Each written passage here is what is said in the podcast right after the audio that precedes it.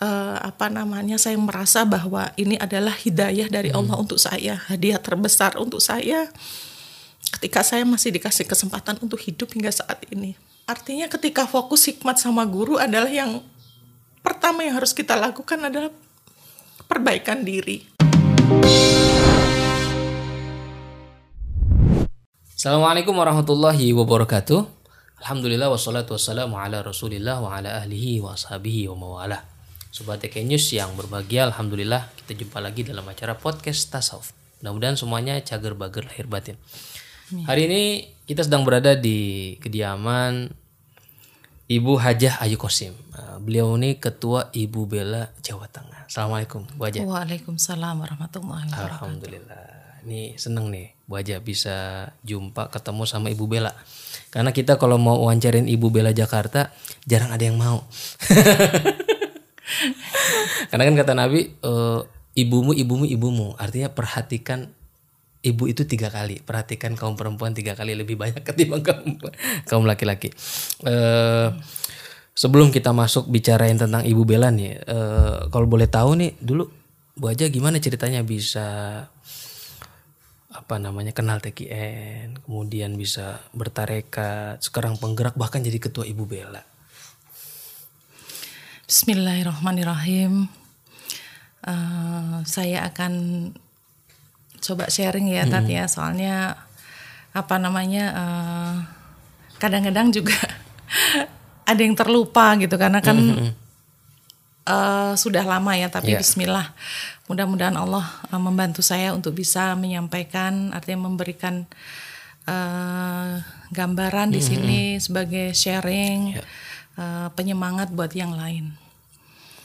Jadi uh, sebelum masuk TKN hmm. itu sebelumnya kan saya lama itu bekerja sebagai pramugari udara dulu hmm. saya. Backgroundnya jadi dari muda saya tuh dari umur 19 tahun. Oh 19 tahun dulu yeah. SMA berarti. Betul betul.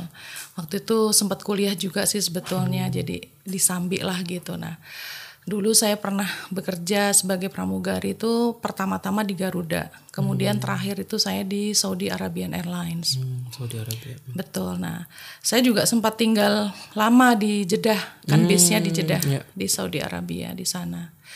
Nah, kemudian uh, ketika tinggal di sana itu kan yang namanya ibadah umroh itu kan hmm. saya bisa melakukan sering ya, iya, sewaktu-waktu. Jadi kalau misalnya pas lagi libur tuh kadang barengan sama teman-teman oh, iya. bahkan kadang-kadang kalau teman nggak bisa saya berangkat sendiri pun hmm. berani gitu karena udah tahu iya, caranya iya, udah tahu karena ininya ya, betul titiknya. seperti itu jadi hmm. alhamdulillah seperti itu nah karena lingkungan pekerjaan sendiri itu lingkungannya adalah yang istilahnya kalau orang bilang kan meskipun tinggal di Saudi kan belum tentu lingkungannya Islami hmm, seperti itu religi ya. Gitu ya. Religi gitu kan belum tentu gitu ya. Jadi artinya kita hidup berbangsa-bangsa hmm, dengan macam-macam etnis. Betul. Etnis, bangsa hmm, ya. Hmm, hmm. Kan banyak sekali di situ otomatis uh, apa namanya meskipun kalau untuk kesenangan dunia tuh sebetulnya kita bisa mudah dapetin ya. Hmm, kan kita keliling dunia kan ke mana-mana. Iya, hari ini misalnya saya ada di Saudi. Besok berapa mungkin tahun, saya udah di negara lain. Ya cukup lama sih. Saya kan selesai sampai tahun uh, 2011 2011 ya hmm. jadi lama lah ya hmm. lumayan lama. Nah kemudian uh, apa namanya di situ tuh artinya meskipun kita udah banyak kesenangan sering pergi umroh dan lain sebagainya tuh ketenangan tuh nggak ada gitu. Oh, Jadi kalau okay. ketemu masalah segala hmm. macem tuh rasanya tuh masih cepet emosi hmm. gitu, gampang marah, terus keinginan dunianya tuh masih terlalu besar hmm. ya, masih pengen ini, pengen hmm. itu, pengen apa padahal hmm. uh, sebetulnya tuh udah kenikmatan itu sudah lebih banyak mungkin dibanding orang lain iya, yang dikasih sama Allah yang, sama kita. Banyak orang justru wah ini mumet pusing nih kalau jalan-jalan hilang kali gitu. Betul, betul. Itu malah kita sampai istilahnya bosan-bosan kali ya. Nggak cuman antar kota, Eh, antar, antar provinsi, negara. ini antar negara. Ini yang seperti itu. diimpikan sama banyak yang perempuan banyak lain. ya. diimpikan banyak orang gitu Banyak bisa orang. bisa kejadian dunia, tuh ya. makan pagi di negara ini nanti udah makan malamnya di tempat yang lain Oh, iya, lagi iya. seperti itu ya bahkan bisa-bisa tuh makan pagi di sini makan siang di mana makan malamnya udah, Udah di mana lagi. lagi Sehari bisa seperti itu berarti. iya Allah. seperti itu nah eh, setiap kali saya pergi umroh itu Hmm. ya jadi saya tuh rasanya tuh pengen banget saya tuh pengen banget karena background eh, pendidikan agama sendiri kan terus terang saya kurang Dulu pas ini apa SD SMP Eh, waktu SD sih saya dulu pernah sekolah madrasah juga ya sampai kelas 6 gitu ya. Tapi artinya kalau untuk baca Al-Qur'an seperti itu alhamdulillah bisa. Hanya kalau untuk pemahaman Iya. yang lebih khusus terhadap agama itu kan kurang ya. Karena kan madrasahnya itu hanya sampai belajar Quran aja betul baca Quran. betul seperti itu gitu jadi sehingga ketika dewasa pemahaman tentang agama juga kurang Hmm. gitu jadi sholat juga masih bolong-bolong Hmm. istilahnya masih belum belum benar-benar inilah Hmm. jadi kalau untuk aplikasi kehidupan dunia sendiri tuh ketenangan itu jarang banget gitu loh Hmm. Jadi sering kali tuh masih inilah masih apa namanya kalau istilah zaman sekarang sering Galau. galau lah Galau. gitu ya sering Galau. galau. Nah, akhirnya saya berusaha eh, apa namanya mencari ya. Mencari itu artinya setiap kali saya diberi kesempatan sama Allah tuh dikasih kenikmatan tinggal di sana saya bisa sering umroh. Mungkin sudah nggak bisa terhitung yang tadi saya bilang itu. Nah, setiap kali saya ke sana itu sering sekali saya tuh mohon sama Allah. Di bawah pancuran itu ya pokoknya saya luruskan yang pancuran Ka'bah itu ya karena kalau kadang-kadang nggak bisa dapat di depan saya pun yang penting arahnya tuh lurusan, gitu ya Mm. saya sujud saya minta sama Allah. Ya Allah saya ini engkau maha tahu saya orang yang kurang ilmu agamanya. Seringkali saya merasa galau saya ingin Allah memberi petunjuk pada saya berikanlah petunjuk. Saya pengen tahu, saya pengen ikut, saya pengen belajar Islam yang menurut engkau itu yang terbaik bagi hamba ya Allah. Yang terbaik untuk Yang saya. terbaik untuk saya. Untuk saya. Jadi terbaik untuk saya. Karena hanya Allah yang tahu. Iya iya. Hanya Allah yang tahu. Jadi hanya engkau yang tahu ya Allah. Itu dan tidak cuman sekali saya minta itu sama Allah. Hmm. Seperti itu. Jadi saya selalu minta seperti itu sama Allah. Sampai suatu saat akhirnya saya pulang. Hmm. Saya udah pulang ke Indonesia. Kemudian saya juga berusaha mencari. Saya ikut, saya kebetulan ada temen juga uh, bicara-bicara mengenai torekot. Saya dari orang yang nggak ngerti, nggak begitu ngerti agama. Saya di diajak ke torekat. Saya kan nggak ngerti. Ada bahasa robitoh, ada bahasa apa. Udahlah yang namanya orang pengen tahu, ikut Ya, aja, Ikut aja. ikut aja. Itu berarti baru hal-hal yang baru. hal di- baru uh, uh, itu sampai pernah tuh saya diajak uh, ke satu tempat lah. Saya mungkin nggak usah sebut tem- tempatnya ya. Jadi uh, dari dari uh, kota jalan besar masuk ke dalam itu masih jauh sekali di daerah persawahan gitu ya. Seperti itu ada kayak uh, semacam Saung. Saung-saung eh, seperti itu. Nah, eh, di situ itu maksudnya orang-orang kumpul banyak lah gitu. Nanti pada mulai pukul pukul berapa ya? Sekitar 11 apa 12 malam gitu baru dimulai. Tengah malam mulai. Heeh, dimulai. Nah, itu dari mana-mana juga itu yang datang. Seperti itu. Nah, eh, apa namanya ya? Mungkin semacam kayak zikir dan lain sebagainya sampai kemudian paginya itu kemudian eh, habis sholat subuh dibaiat satu persatu gitu. Baiatnya. Jadi baiatnya satu persatu. Iya. Enggak Itu tarekat apa itu? eh, kalau yang itu namanya saya lupa karena saya setelah dibaiat saya nggak pernah menjalankan. Oke. Saya dikasih buku, bukunya pun masih tulisan tangan. Hmm. Jadi seperti mungkin gurunya yang Iya, bikin. yang nulis, uh. Nah, seperti itu. Gitu. Bukan fotokopian ya, tangan. Oh iya fotokopian, Oh, tapi tulisan oh, tangan. tulisan tangan. Uh-uh, Oke, oke. Fotokopian tulisan tangan. Saya nggak pernah jalanin itu. Jadi saya ikut aja. Setelah itu nggak pernah saya, maksudnya nggak- Sekali-kalinya Eh, ya. jadi nggak nempel lah di sini seperti itu. Nah setelah itu juga saya ikut lagi nih. Ada teman lagi yang ngasih masukan juga. Ayo ikut lagi gitu.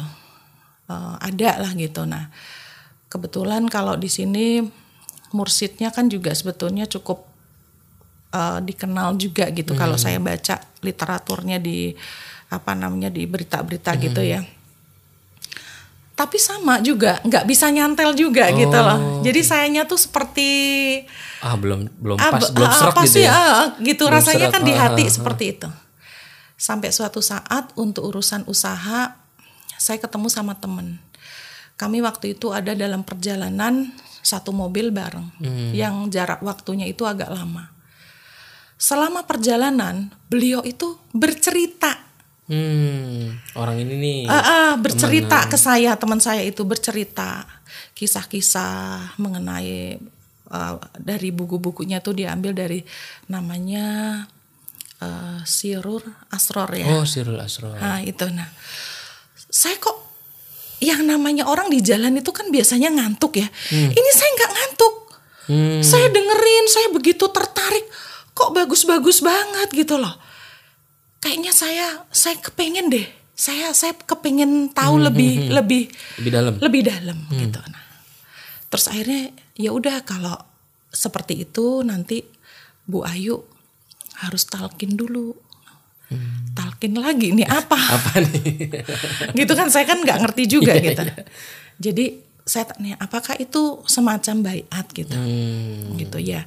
Seperti itulah gitu. Jadi artinya kalau memang Nggak kaget udah pernah Ah, ah, seperti itu. Oh ya sudah gitu. Oh ya sudah deh kalau seperti itu nanti saya pikirkan dulu lah seperti itu kan. Karena saya udah dua kali kok nggak nyantel Iya, gitu nggak kan. Gitu jadi ya sudah. Sampai akhirnya suatu saat eh, saya pas kebetulan waktu itu lagi ada masalah. Aduh ya Allah berat banget gitu saya teringat teman saya itu terus dia bilang ya udah Bu Ayu apa sudah siap untuk eh, ditalkin ya deh saya udah siap Iya. gitu karena waktu itu kebetulan posisi saya, saya lagi di Jakarta ya saya posisinya memang di Jakarta nah kemudian eh, saya disambungkan sama Pak Yai Wafyudin Sakam Hmm. gitu nah Karena waktu itu posisi di Jakarta. Jakarta. Nah, kemudian diteleponkan sama beliau. Kemudian saya juga dikasih nomor teleponnya, katanya Bu Ayu bisa langsung hubungin. Saya telepon waktu itu Pak Yainya. Nah, saat saya telepon itu beliau sudah ada di bandara. Saya sedang ada di bandara, Bu Ayu. Saya mau pergi ke Beijing, katanya gitu. Waktu itu beliau mau ke Beijing tuh, gitu. Oh Pak Kiai kira-kira kembali kapan gitu. Terus beliau ngasih tahu "Eh, kalau gitu saya minta waktu eh, sehari setelah beliau pulang. Pulang. Hmm. Akhirnya saya dikasih waktu, saya datang ke Rawamangun ke rumah beliau dulu yang di Rawamangun, Iya. ke situ.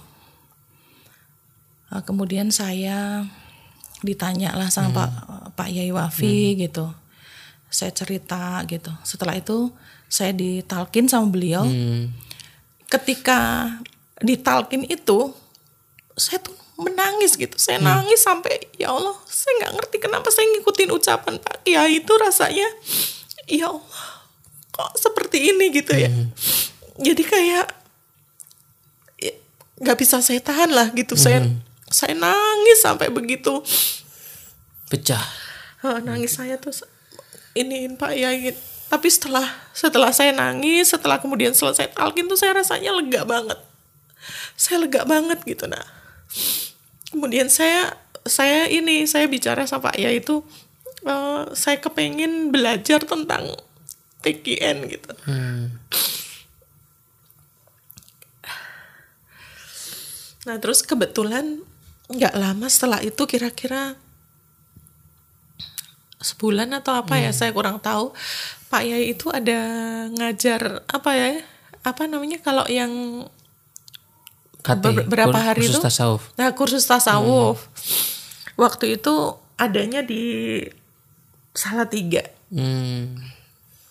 di Salatiga waktu itu saya ikut saya datang dari Jakarta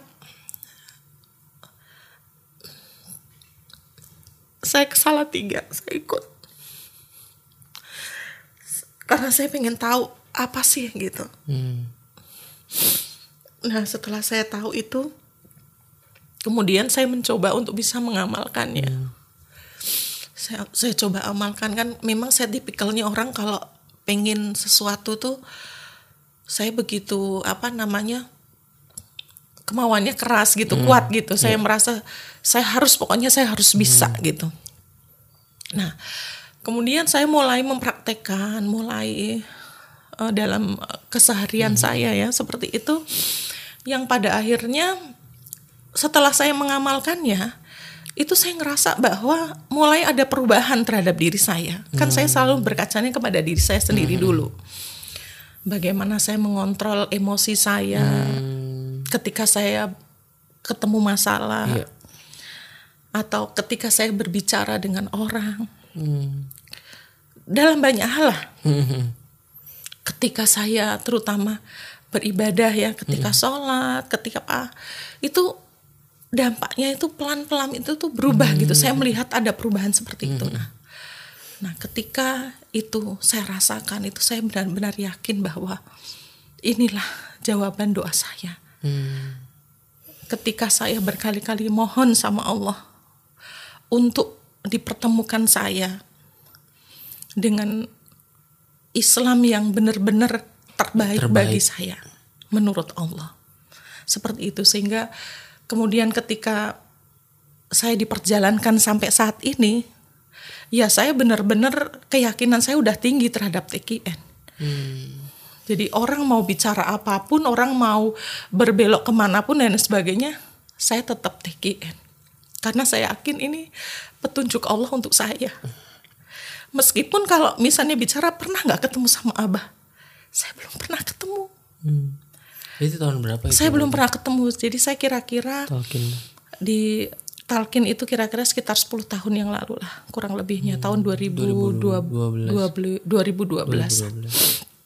Waktu itu Abah sudah wafat ya. Hmm. Jadi saya hanya pernah mendengar dulu namanya ketika beliau eh, masih ada ya, tapi saya belum mengenal TKN ini. Hmm. Jadi ketika saya mengenal, saya sudah nggak sempat ketemu sama beliau lagi. Seperti itu. Jadi eh, apa namanya? Saya merasa bahwa ini adalah hidayah dari Allah untuk saya, hadiah terbesar untuk saya. Ketika saya masih dikasih kesempatan untuk hidup hingga saat ini, seperti itu. Kira-kira. Maaf nih saya jadi Gak terharu. Ini kan buat apa namanya pembelajaran juga buat kita semua kan. Banyak juga wajah ih wan akhwat yang nggak jumpa sama abah. Termasuk saya. Oh gitu ya. ya saya juga nggak nggak nggak apa namanya nggak sempat berjumpa dengan beliau secara fisik lah. Iya. Secara fisik. Tapi kan kita semua yakin Iya. kita dalam apa namanya rombongan murid beliau itu luar biasa eh, cerita Bu Aja mudah-mudahan bisa menginspirasi dan membuat kita menjadi semakin yakin Amin. Amin. apalagi setelah ditalkin tadi tuh Bu Aja Hmm. Yang rasanya sampai apa ya dan itu bukan hanya lewat perasaan sebetulnya ya tapi memang ada perubahan secara step by step Iya. ke terhadap eh, diri kita pribadi Iya, betul. dan itu kan yang tahu kita kita Iya, betul. bukan bukan orang lain Betul. gitu Ah, menarik sekali tuh nih apa namanya kita balik nih baca Hmm. nih Iya. Eh, itu kan berarti awal mula eh, bu aja mulai apa namanya yakin lah dengan TKN kemudian bertarekat Hmm. sampai akhirnya ada apa namanya dorongan untuk berhikmah dan sehingga Iya. akhirnya diamanahi juga menjadi ibu bela. Kalau boleh tahu kapan terbentuk ibu bela Jateng itu?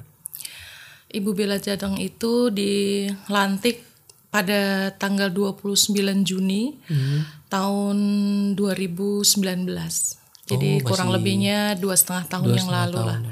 Heeh, jadi nggak lama setelah pelantikan itu kemudian ada pandemi COVID mulai gitu. Jadi memang belum terlalu apa namanya bisa ini ya bisa aktif banget gitu loh dari mulai Itu awal mula bisa kebentuk gimana tuh? Maksudnya kan nggak mungkin tiba-tiba ayo lantik Iya, kumpul lantik kan gitu. Iya. Jadi asal muasalnya itu eh, kebetulan kan suami saya kan memang sudah pengurus Korwil ya saat itu ya. Jadi eh, Pak Ji Aris tuh pengurus Korwil Jawa Tengah eh, sebagai bendahara. Dan kebetulan walaupun beliau sebagai bendahara, namun untuk kepengurusan Korwil itu beliau memang eh, sangat aktif di belakang layar ya, karena memang dari awal memang beliau di TKN memang penggerak di belakang layar lah istilahnya seperti itu. Nah, eh, ketika Korwil sudah terbentuk kan eh, pada saat itu juga eh, Ibu Bella yang otonom kan juga sudah ada, Hmm. ya kan? Iya. Eh, sudah ada di. Nah, sehingga kemudian eh, muncullah inisiatif supaya bisa eh, apa bekerja bersinergi bareng untuk dibentuk eh, Ibu Bella Jawa Tengah Hmm. ceritanya seperti itu. Kemudian eh, suami saya membantu untuk me- apa mi- meminta eh, bantuan dari tiap perwakilan di bawah Jawa Tengah untuk mengirim Utusan. eh, eh, mas Perwakilan, perwakilannya, perwakilan. Eh, eh, perwakilannya karena kan memang eh, kami nggak kenal satu dengan yang lain kan? Kan belum pernah ada pertemuan sebelumnya. Kan seperti itu. gitu. Jadi masing-masing dari eh, perwakilan itu ada yang mengirimkan ada juga yang tidak ya. Karena kan eh, Jawa Tengah kan cukup luas Iya. dan belum semuanya kan juga sudah terbentuk Sudah ada- untuk perwakilan kota kabupaten, iya ha. betul. Seperti itu. Jadi bagi yang sudah ada aja mereka mengirimkan. Karena waktu itu juga minta paling tidak tuh satu perwakilan tuh antara 2 sampai 3 calonnya seperti itu. Nah, dari situlah kemudian kita kita coba ulah olah ya waktu itu eh, tim formaturnya tuh ada beberapa orang termasuk juga Pak Yai Anhari. Karena kan beliau termasuk Sesepuh. sesepuh ya wakil talkin di Jawa Tengah seperti itu dan karena posisi saya dan suami saya juga adanya di Semarang jadi otomatis tim formaturnya juga untuk mempermudah Iya. kebanyakan kami-kami yang Iya. ada di Semarang lebih, seperti itu Lebih mudah inilah. betul karena kalau untuk ibu-ibu kan posisinya nggak sama seperti bapak-bapak ya jadi kalau misalnya kumpul harus agak jauh, Nah, harus izin suami dulu. Betul, kan seperti itu. Jadi tentu beda, ininya ya. Jadi kita bikin yang praktis saja. Hmm. Kemudian kita olah di situ, eh, kita diskusikan, kemudian apa namanya hasilnya kemudian kita informasikan kepada Hmm. perwakilan-perwakilan Iya. yang yang sudah apa namanya mengirimkan eh, calon-calonnya Hmm, seperti itu. Nah, cuman kan memang eh, kendalanya saat itu pertama kita tidak kenal satu dengan yang lain. Yang kedua juga apa namanya eh, kita juga nggak tahu kemampuan mereka itu bidangnya apa-apa juga Iya, kita nggak ngerti. Bingung motornya di mana nih? Ha, ha, kan seperti itu. Jadi kita istilahnya ya sudah deh nama yang sudah ada ini kita kita ini Masuk- aja kita aja dulu. masukkan masukkan saja dulu. Eh, nanti apa namanya untuk lebih ini apa namanya ke depannya kan nanti gampang kita ada pertemuan nanti bisa dikoordinasikan nah, dikomunikasikan kan seperti itu. Eh, kemudian setelah itu kami mengajukan ke pusat ya, mengajukan ke pusat, kemudian disetujui untuk eh, dilantik. Waktu itu dilantiknya di eh, Pondok Pesantren Mahirul Hikam. Hmm, di Kiai Eh, tempatnya Pak Kiai Toha di Salatiga ya, Eh, yang dihadiri juga luar biasa itu waktu itu acaranya dibarengkan dengan acaranya Korwil Jawa Tengah ya. Oh, oke. Mm-mm, Nah, itu yang hadir mungkin sekitar seribu lebih Seribu barangkali lebih ya. apa dua ribuan gitu ya dari seluruh Jawa Tengah semuanya. Alhamdulillah dari pusat juga Hadir. eh, hadir ya untuk melantik seperti itu. Nah pada saat itu juga kami baru pertem- baru ketemu pertama kali itu dengan seluruh pengurusnya Jadi itu. ketemu pertama kali langsung dilantik. Betul.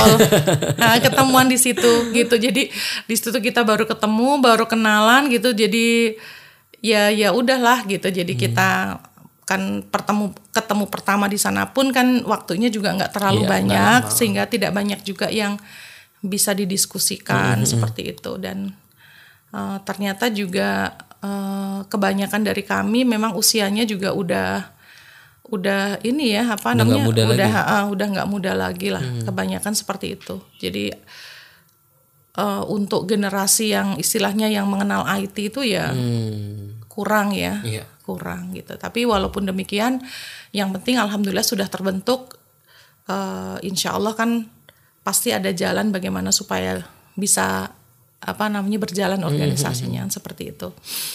Nah setelah setelah dilantik itu eh, sebetulnya kita belum ada kegiatan khusus karena ketika kita mulai minta setiap koordinator bidang itu untuk eh, memasukkan program-programnya itu belum pernah terrealisasi begitu.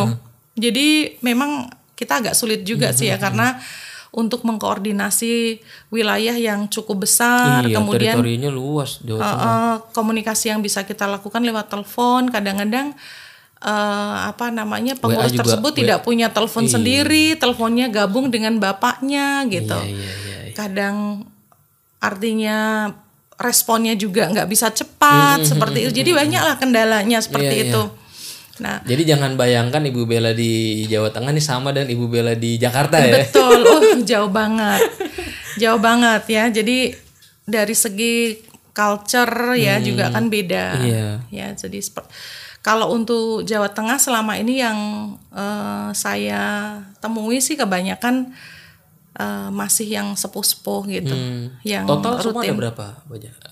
Jumlah Pengurusnya ya? Pengurusnya Kurang lebihnya ada 50. 50. Tapi 50 itu pun yang aktif sedikit sekali. Berapa persen? gitu kira-kira? jadi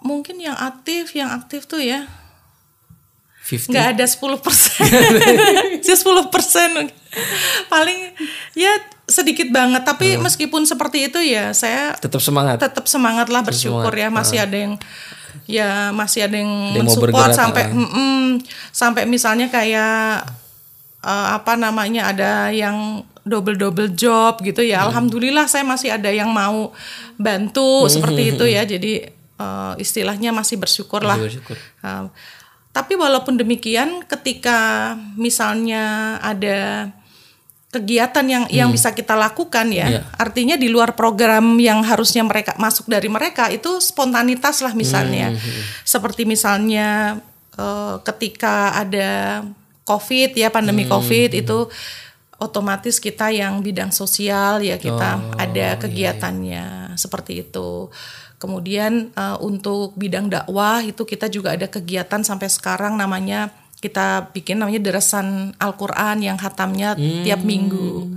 Gitu untuk Jawa Tengah ya. Jadi itu pesertanya pakai dari apa ininya? Apa? WA. Oh WA. Hmm. WA group. WA grup. Jadi khusus deres Quran. Eh, deresan Al-Qur'an WA group. Jadi kita ada dua grup di situ yang eh, satu minggu satu juz sama satu minggu dua juz per orang. Jadi mereka tinggal pilih Jadi mau ikut yang udah satu juz. gitu ya? Betul, yang Ah, udah selesai oke. checklist checklist gitu. Nanti hatamannya gimana tuh aja? Kalau hatamannya biasanya yang baca doanya itu yang dapat juz 30. Oh. Jadi semuanya harus mau, semuanya harus belajar. Jadi Iya, kan iya, mereka akan dapat giliran. Kaderisasi juga ya. Betul, betul. Jadi kan misalnya yang tadinya mulai dapat juz 1 nanti lama-lama kan dapat juz 30 Iya, juga. iya. Oh, kan digilir muter, ya? kan Digilir digilir, ya? digilir Oh. sesuai dengan Nggak bisa milih jus 30 nggak terus bisa, ya. nggak bisa. Ha, jadi Iya, awalnya juga dulu ada kenapa sih nggak yang baca nanti misalnya siapa gitu atau koordinator bidang dakwah gitu. Hmm. Saya bilang nggak bisa. Jadi semuanya harus belajar, Bener bener. harus belajar. Jadi eh, ya pada akhirnya ya mau bisa juga, jalan juga ya. sudah berjalan. Harus didorong iya, terus. eh, seperti itu. Jadi alhamdulillah itu. Kemudian dulu sebelum pandemi itu untuk kemitraan itu sempat kita hidupkan juga. Hmm. Tat. Jadi ini sebetulnya menarik juga. Karena kan kalau untuk Ibu Bella nih saya kasih gambaran sedikit Hmm. untuk Jawa Tengah ya. Kami kan kalau provinsi itu kan di bawah kami itu kan ada kabupaten atau kota. Mm-mm. Ada berapa yang sudah terbentuk? Nah, kalau sebetulnya kalau kita bicara Jawa Tengah itu kan di bawah provinsi Jawa Tengah itu ada sekitar 35-an Iya. kabupaten kota, Kota, ya. ah. Tapi kan aktualnya kan belum ada segitu gitu yang Iya, udah iya, iya. yang udah terbentuk dalam arti yang otonom ya. Iya. Nah, kalau yang otonom nih kalau nggak salah di bawah provinsi itu baru eh, Pati, Wonosobo, kemudian Purworejo, uh, Solo ya kalau nggak salah baru uh, ya baru itu baru itu tapi nanti dalam waktu dekat ini kemungkinan ada beberapa di bawah Jateng- Jawa Tengah yang akan mengajukan untuk uh, dilantik juga sedang persiapan saat ini. Seperti itu nah. Nah artinya masih banyak banget gitu. Iya, iya. masih banyak banget. Nah eh, selama ini memang untuk sosialisasi berkenaan dengan Ibu Bella otonom kan mungkin masih kurang juga ke bawah Hmm, gitu ya. Jadi eh, masih perlu harus dikomunikasikan dengan mereka supaya mereka lebih lebih tahu kan seperti itu, lebih, apa ngerti, namanya, lebih ngerti organi kerja secara organisasi iya gitu ya. seperti itu gitu. Tapi eh, alhamdulillah sih ya artinya yang sudah yang sudah ada ini meskipun meskipun ada yang belum dilantik juga mereka sudah punya kegiatan rutinnya gitu. Jadi misalnya kayak di eh, Banyumas contohnya gitu mereka untuk ibu-ibunya sendiri sudah punya kegiatan rutin untuk manakiban sendiri seperti itu maksudnya enggak Walaupun belum ada Belum. pengurusnya, Ha, tapi udah punya belum. kegiatan Ha. mereka. Karena mereka waktu itu juga ada yang dari Banjarnegara itu dia gabung. Hmm. Jadi kan supaya lebih banyak karena waktu itu Banjarnegara juga masih sedikit. Iya. Nah, tapi ini Banjarnegara sudah mau bikin sendiri juga ini. Jadi mungkin Hmm, udah mulai, pertambahannya udah iya, udah signifikan. udah ah, udah bertambah seperti itu. Jadi alhamdulillah mereka udah menginformasikan ke kami Hmm. gitu. Masuk juga ke kita masukkan ke grup Jawa Tengah juga. Seperti itu gitu ya. Nah waktu itu yang kembali lagi ke apa namanya bidang kemitraan itu dulu sebelum pandemi itu kita sempat bikin namanya semacam warung sembako gitu. Warung sembako seperti apa tuh maksudnya? Jadi artinya gini, eh di Ibu Bella yang bidang kemitraan itu buka warung sembako yang seperti jualan misalnya ada beras, Beras, minyak. ada gula, ada minyak, ada telur seperti itu. Nah itu eh, biasanya satu minggu sebelum manakib itu sudah di di share di grup gitu di share di grup. Nah, nah, jadi nanti mereka bisa Mesen pesen, gitu ya. bisa Jadi pesen. mesen di grup, nanti pas Ah, manakib diambil. Sudah betul. Jadi Oke. udah disiapin. Oh, menarik tuh. Ah, ah, seperti itu. Jadi Kebutuhan sehari-hari soalnya. betul. Jadi di situ juga eh, kebetulan memang belum semuanya ya. Jadi utamanya karena saya tinggalnya juga di Semarang, ikutnya juga manakib Semarang. Jadi itu yang berjalan waktu itu apa namanya eh, berjalan ap- apa kegiatan ini juga di Semarang seperti itu. Saya sih kasih gambarannya begini kan kalau misalnya satu keluarga dalam satu bulan misalnya butuh berasnya itu eh, misalnya 10 kilo 10 gitu. kilo. Nah, 10 kilo itu nggak harus beli semua dari kami gitu. Belilah misalnya 5 kilo, Hmm. kilo yang dari kami. karung kecil ah, kemudian gulanya juga satu kilo, nggak Hmm. apa-apa gitu. Yang penting adalah ikut Ada kontribusi. eh, ada eh, ada kontribusi karena nanti di sini ada keuntungannya yang akan masuk untuk eh, kasnya Ibu Bella gitu yang akan digunakan untuk eh, apa namanya organisasi. Organisasi, betul, Jadi seperti itu gitu. Dan kita juga menjualnya itu dengan harga yang kurang lebih sama dengan yang ada di Oh, di warung. eh, jadi kita berusaha carinya tuh memang di agen yang besar seperti itu. Hmm. Makanya kita butuh info di awal dulu misalnya yang mau pesen siapa aja gitu Iya, udah iya, di listing dulu nih. Hmm, jadi biar ketahuan buat bawa pasokannya. Betul. Itu pertama yang keduanya tuh ketika kita manakib ya betul-betul manakib kita nggak ngurusin dagangan. Kan itu kan nggak boleh kita manakib Iya, manakib, manakib. Itu gitu. man- setelah Betul, manakib. setelah manakib tinggal ambil barangnya. Iya, nah, kemudian untuk stok lainnya biasanya eh, petugas yang apa namanya ibu yang eh, di bidang kemitraan ini sudah menyiapkan semuanya di mobil. Gitu. Jadi bagi yang nggak pesen tuh Hmm. Iya, iya, mereka iya. nanti pas mau pulang kapnya Iya. mobil dibuka mereka bisa beli lah begitu. Ada belanja bulanan di mall atau di ini mending di Ibu Bella. Benar, seperti itu. Nah, itu pun kita buka peluang bagi apa namanya eh, anggota TKN eh, Ibu Bella ataupun bapak-bapaknya gitu. Kalau mereka punya usaha, ini boleh titip sama Oh, kami. benar, benar, benar, bisa. Jadi di situ bisa titip gitu. Jadi saling ngedupin ya. Betul. Nah dari situ jadi mereka nggak usah jagain dagangan sendiri dan lain sebagainya nggak usah titip sama kami. Hmm. Nanti kan barangnya itu sudah di listing sama kami yang Hmm. dijual apa saja. Seperti itu. Jadi sebetulnya itu alhamdulillah udah berjalan dengan baik. Hanya ketika pandemi karena kan kita nggak ada Iya, manakib tuh lama.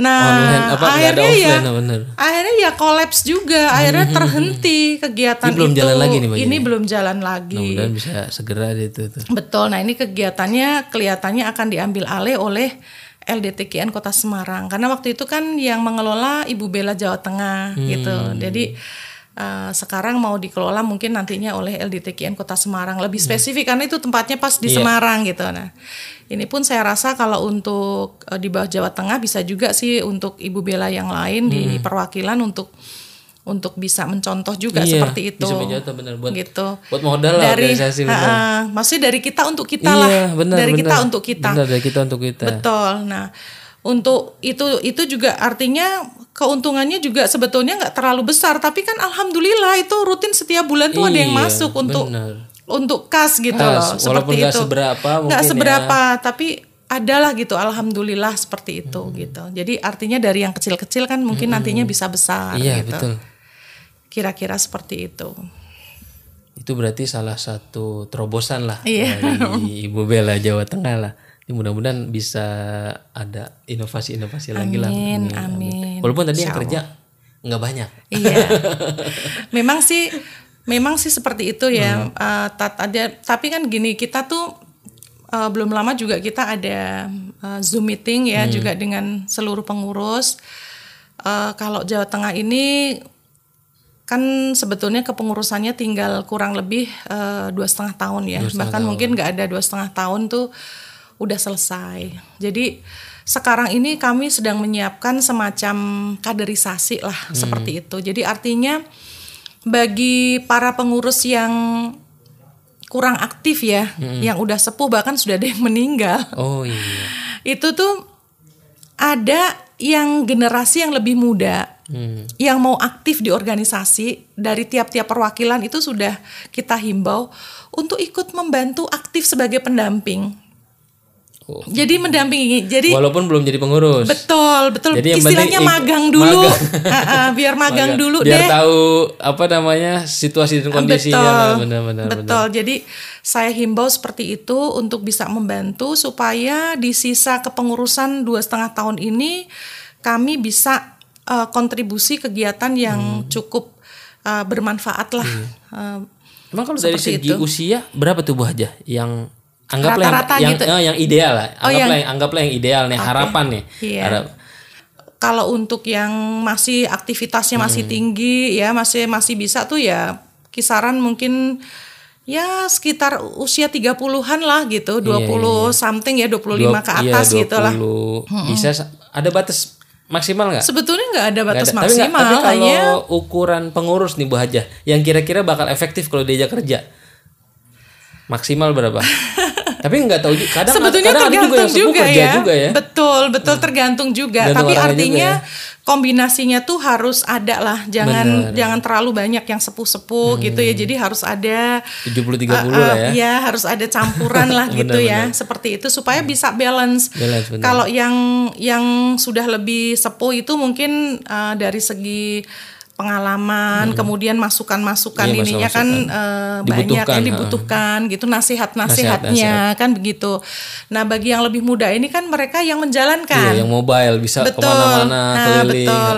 Kemudian j- juga mereka kan tentu kalau dari segi teknologi mereka kan lebih ngerti. Iya. Lebih ngerti gitu yang nanti mungkin bisa memberikan masukan-masukan kepada kami kegiatan apa aja yang kira-kira bisa disupport dengan teknologi. Kan betul, seperti betul. itu karena kalau ibu-ibu itu kan kendalanya kami itu tadi seperti yang tadi Ustadz bilang di awal bahwa eh, kami nggak bisa sering-sering ketemu tuh nggak bisa gitu loh kendalanya. Karena wanita itu kan banyak keterbatasan. Seperti yang itu. ngurus anak, kadang ngurus cucu, betul. ngurus suami. betul betul. Seperti itu. Tapi bagaimana caranya supaya eh, kami tetap bisa berkegiatan. Hmm. tentu dibantu dengan teknologi. Ah. nah seperti itu. Itu harapannya Jawa Tengah sih supaya bisa seperti itu Nah, ini sekarang kami lagi mencari. Sedang mencari mudah-mudahan Hmm. Udah ketemu nih kader-kader ketemu kader-kadernya. Eh, nanti di mana nanti ketika kepengurusan kami yang pertama ini sudah selesai nanti mereka yang memang sudah sudah belajar nih berkontribusi eh, membantu jalannya organisasi sampai habis waktunya bisa dipromosikan sebagai pengurus berikutnya seperti itu kira-kira Mudah-mudahan lancar nih. supaya kepengurusan pengurusnya jadi, eh, Iya. berikutnya jadi lebih, bagus gitu iya. lebih aktif Bener tadi apa seperti namanya? itu Lebih apa ada di di dikombinasikan. Iya, betul, dikombinasikan. Jadi kerjanya yang muda bisa lebih mobile, lebih online, Hmm. Betul. apalagi online kan sekarang Iya. kan lebih lebih betul apa namanya? semua kegiatan sekarang kebanyakan online kan memang bagus juga Iya, kan memang bagus. Bagus nggak, juga. nggak banyak keluar rumah kalau Betul. perempuan tadi kan. betul betul harapannya sih Itu seperti harapannya itu. itu. mohon doanya aja Amin, mudah-mudahan amin, bisa amin. gitu kira Kemudian juga bisa sinergi juga antara Ibu Bella, LDTKN dengan Iya. GMPS. Betul. Memang seperti itu. Jadi yang kami kami lakukan tuh bersinergi seperti Hmm. belum lama ini untuk kegiatan eh, waktu itu kan ada ada himbauan dari pusat berkenaan dengan apa namanya sumbangan untuk itu bantuan Semeru. donasi untuk Semeru kan. Hmm, itu juga seperti itu kami eh, dari Jawa Tengah eh, langsung kita koordinasi dengan seluruh perwakilan di bawah Jawa Tengah. Iya. Itu bagi yang memang ibu, belanya belum terbentuk ya otomatis kami langsung minta apa menggandeng inilah yang sudah ada setempat. Misalnya ada LDTKN atau ada GMPS seperti itu agar dibantu. Karena kan eh, mereka yang setempat itulah yang tahu ibu bela mana yang aktif di tempat gitu. meskipun belum di Iya. meskipun belum dilantik tapi Iya. kan mereka mereka lebih mengenal otomatis karena jalurnya lewat mereka alhamdulillah eh, apa namanya kami cukup ini juga cukup bagus Jadi juga baju ininya. organisasi nggak jadi penghalang. iya Jangan sampai baju organisasi beda organisasi jadi penghalang. iya gitu. betul Tapi justru semuanya justru kita saling untuk TKN. betul tujuannya satu untuk TKN Untuk TKN, untuk abah. untuk untuk TKN jadi kita sama-sama ingin berhikmat Hikmat ke abah. no. ke, ke Abah Anom ya ke guru mursyid kami. Amin. seperti itu. Ada pesan nggak Bu Aja untuk Ibu Bella di seluruh Indonesia? pesannya apa ya? Sebab iya saya sendiri kan juga artinya keilmuan saya masih sangat kurang ya. Saya juga masih banyak belajar ya. Dan kebetulan saya juga senang belajar. Seperti itu. Jadi harapan saya eh, ketika kita sudah memutuskan untuk mm, berTKN Suryalaya ya ke Abah Anom ya kita fokuslah hikmat kita sama guru. Artinya ketika fokus hikmat sama guru adalah yang pertama yang harus kita lakukan adalah perbaikan diri. Hmm, ke diri kita sendiri dulu sebelum keluar. Ketika kita sudah bisa menata diri kita dengan baik, insya Allah kita kita pun bisa eh, apa namanya berjalan untuk membantu mengingatkan orang. Jadi harus dari kita, kitanya kita beri suri toladan yang baik. Kita sendiri berusaha menjadi kan Ibu Bella itu kan beres laku lampah. Hmm, Itu kan abah, itu ya, abah yang ngasih nama kan, ngasih, sebuah beres laku nama lampah. yang begitu istimewa. Ya, ya kita harus merepre- merepresentasikan. Hmm. Itulah tujuannya yang yang pengen abah eh, apa namanya eh, apa eh, supaya Cita-citanya eh, Abah ya. cita-cita supaya menjadi eh, kita tuh wanita TKN itu supaya menjadi wanita yang beres laku lampah. Jadi artinya jadikan diri kita dulu beres laku lampah sehingga kita bisa memberikan contoh kepada yang lain. Di keluarga kita dulu ya. Iya, ke, ke yang lain di keluarga kita, kemudian eh, di luar dari keluarga seperti itu semuanya. Itu aja sih mungkin. Karena kan kola- keluarga itu pondasi masyarakat. Betul. Kalau pondasinya bagus, Insya Allah bangunannya bagus, kuat. Iya. Kalau keluarganya kokoh, insya Allah masyarakatnya Iya, kokoh. betul. Makasih banyak nih Bu Aja sudah berbagi di podcast Tasawuf. Mudah-mudahan Ibu Bella Jawa Tengah bisa terus sem- apa namanya berkhidmat, Amin. kemudian bisa istiqomah, Amin, bisa terus berkembang dan memberikan lebih banyak kontribusi Amin, amin. Hmm. untuk eh, keluarga-keluarga di Indonesia. Oke, sobat TK News, terima kasih banyak sudah menyaksikan dan mendengarkan. Kita jumpa lagi di podcast selanjutnya. Eh, terima kasih yang sudah mendukung channel kami dengan apa namanya berdonasi di TKN News. Makasih teman-teman yang sudah berdonasi dan jangan lupa download aplikasi TKN News. Sampai jumpa lagi. Assalamualaikum warahmatullahi wabarakatuh. Waalaikumsalam.